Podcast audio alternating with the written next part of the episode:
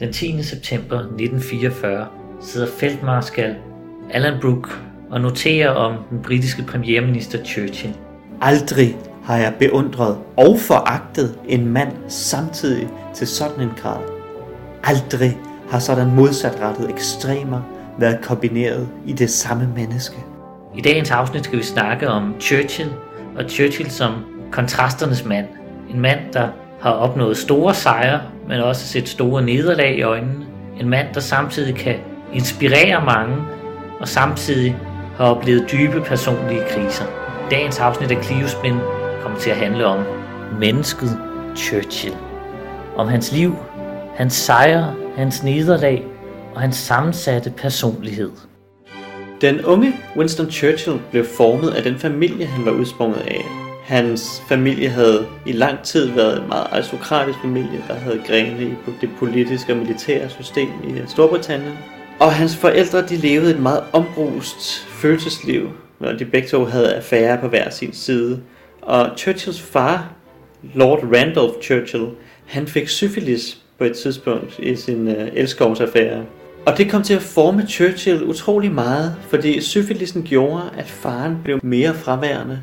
Alt imens Churchill mere ønskede at opnå farens anerkendelse og respekt. Og det blev en af de mest formende ting for Churchills personlighed, netop ønsket om at kunne leve op til farens forventninger og ønsker og drømme. Men faren kom altid til at dømme Churchill, og han dømte ham hårdere og hårdere, for Churchill var dårlig i skolen. Og det var til farens helt store skuffelse, at Churchill var så elendig i skolen. Han kunne ikke komme ind på det rigtige militærakademi, og endelig så blev han kavalerist, og til farens endnu større skuffelse, så skulle han også betale for den hest, som Churchill skulle bruge. I 1895, der sker der tre store ting, som er afgørende for Winston Churchills liv. For det første bliver han færdig med sin militære uddannelse. Og for det andet, så dør faren, og her opstår der sådan en nærmest en Batman-fortælling, fordi i farens død, så lige pludselig, så skal Winston Churchill ud og bevise sit værd. Han skal vise, hvem han er søn af. Og den tredje ting, der så sker, det er, at Winston Churchill kommer ud i alverdens krigszoner, som var på det her tidspunkt, både ved Cuba og i Sudan og i Sydafrika og i Indien. For den unge Winston Churchill var en travl mand.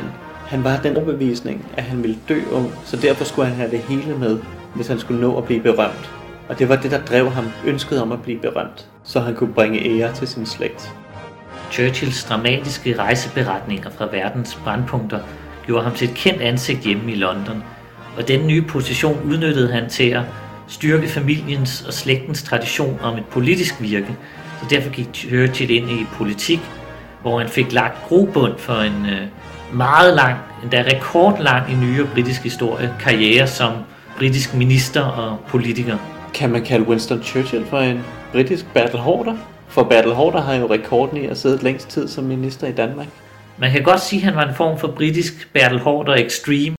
Churchills politiske karriere er selvfølgelig for lang til, vi kan gennemgå den i detaljer, men i løbet af nogle 50 år fik han arbejdet sig igennem en række parlamentsposter, ministerembeder og udvalgspositioner, indtil han peakede i 1940'erne som premierminister – men særligt 2. verdenskrig skulle statuere et eksempel for, hvor nice Churchill var. For op gennem 30'erne, der kom nazismens sorte skyer ind over Europa. Britternes tilgang til det, det var, jamen vi prøver at please dem, vi prøver at sørge for, at der ikke kommer en ny krig, fordi vi har fået nok af den gamle krig. Der skal helst ikke komme endnu en krig. Og Churchill stod over i hjørnet og råbte og sagde, der kommer en ny krig, hvis vi ikke stopper det nu, hvis vi ikke hindrer nazismen i at komme frem og der vil se det skæmt til Churchill. Ej, du er bare sådan en gammel nar. Men Churchill fik ret. Nazismens sorte skyer førte til krig. Lige pludselig faldt det ene land efter det andet ind i nazismens fold, og Frankrig faldt, og Storbritannien stod alene. Og netop på det her tidspunkt, der blev Churchill udvalgt til at være premierminister. I, hvad kan man sige, historiens modvind stod han og holdt nogle taler, der har simpelthen cementeret manden som et fyrtårn inden for den frie verden. Øhm, og det er nok det, han er blevet allermest kendt for. Hans iver, hans kampgejst, som simpelthen kunne mobilisere hele befolkningen mod nazismen. Det var i denne mørkeste stund, at legenden om Churchill, den legende, som vi kender, opstår. Men bag facaden var også nogle mørkere sider. Og også de sider af Churchill, som vi ikke hører så meget om. For selvom Churchill vil blive husket for sin fantastiske sejr under 2. verdenskrig, så var vejen dertil brulagt af en meget lang række fiaskoer og katastrofer, som vi ikke snakker så meget om, men som er lige så meget en del af manden.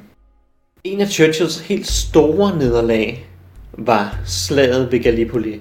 Og hvis vi skruer tiden lidt tilbage til 1. verdenskrig, altså før han blev premierminister, så var han marineminister og udviklede en strategi for, hvordan Storbritannien skulle slå Osmaneriet.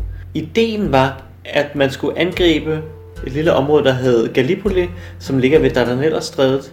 Og her så kunne man lukke af fra Konstantinopel. Altså man kunne dele Osmaneriet i to, og måske erobre Konstantinopel. Det var en meget dristig plan, og Churchill håbede naturligvis, at den ville fungere og lykkes. Men den gik direkte i historiens store straffebog. Men britterne forventede jo, at de bare kunne rulle ind over de her primitive barbarer, som de så også manderne som. De tænkte, jamen vi tager dem på stranden og rykker op, Europa Gallipoli og rykker videre over og tager Konstantinopel. Det, det er da ikke særlig svært. Men i vejen stod general Mustafa Kemal, øh, som historien bedre kender som Atatürk, tyrkernes første præsident. Og han stoppede simpelthen britterne allerede ved, ved stranden og han havlede simpelthen bombardementer uden lige ned over britterne og bumpede dem tilbage til stenalderen nærmest. I 10 måneder lå britterne på stranden, og pinen blev bare værre og værre og værre. Og tusinder og tusinder døde til ingen verdens nytte. For britterne indså, at de kunne ikke slå osmanderne. De stod alt for stærkt, og britterne stod alt for svagt. Så britterne valgte at trække deres styrker ud efter de her tusinder af dødsfald, og Churchill stod tilbage som marineminister med ansvaret på sine skuldre.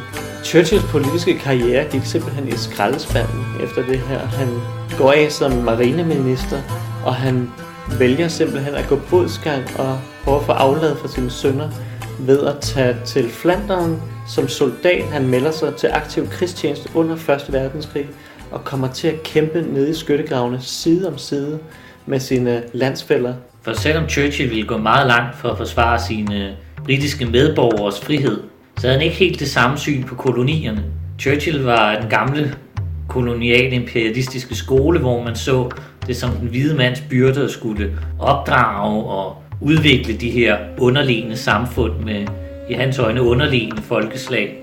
Og det kom særligt til udtryk i blandt andet Indien, hvor øh, han så meget negativt på den indiske uafhængighedsbevægelse ledet af Mahatma Gandhi, og da millioner af indere de sultede ihjel under 2. verdenskrig, og de koloniale myndigheder bad om assistance til flere madforsyninger, så svarede Winston Churchill jo bare tørt, at hvis der manglede mad, hvorfor er Gandhi så ikke død endnu?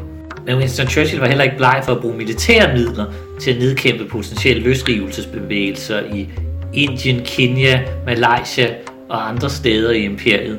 Men til trods for det, så lykkedes det ikke for ham at holde fast på imperiet, der smuldrede imellem hans fingre og det var denne imperiale mentalitet, der sidder som en øh, sort plet på hans ellers øh, fantastiske omdømme. Ligesom Churchills karriere var præget af op- og nedture, så var hans følelsesmæssige liv og hans personlighed også præget af disse op- og nedture. Fordi Churchill kunne jo være manisk, når han stod og holdt sine taler, og når det gik godt. Men samtidig så havde han også en meget mørk og depressiv side, der var præget af overspisning og druk og rygning, og en konstant gæld, og samtidig hans kom- faderkompleks med at skulle leve op til faderens og familiens ære og forventninger. Man kan måske også forestille sig, at Churchills ofte grove bemærkninger og til tider lettere karikeret personlighed måske også dækker over en indre usikkerhed og et måde at håndtere det pres, der altid har ligget på ham, altså i forhold til det ansvar, han har siddet inde med.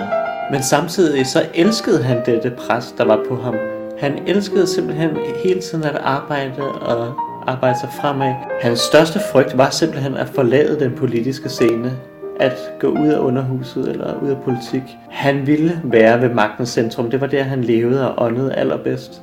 Og han frygtede den dag, han ikke længere ville kunne gøre det. Og han blev tvunget væk fra premierministerposten til sidst, da han for anden gang var premierminister i 1950'erne efter han havde fået et par slagtilfælde, blev dronningen simpelthen nødt til at sige til ham, nu er det nok. Dette markerede så enden på Churchills karriere, Og i dette podcast har vi set på både hans opvækst og hans politiske karriere, hans sejre, hans nederlag og hans personlighed. Og hvis der er noget, man kan lære af at observere Churchills liv, så er det, at man skal gå igennem mange nederlag, før man kan nå den sejr, som vil stå som ens triumf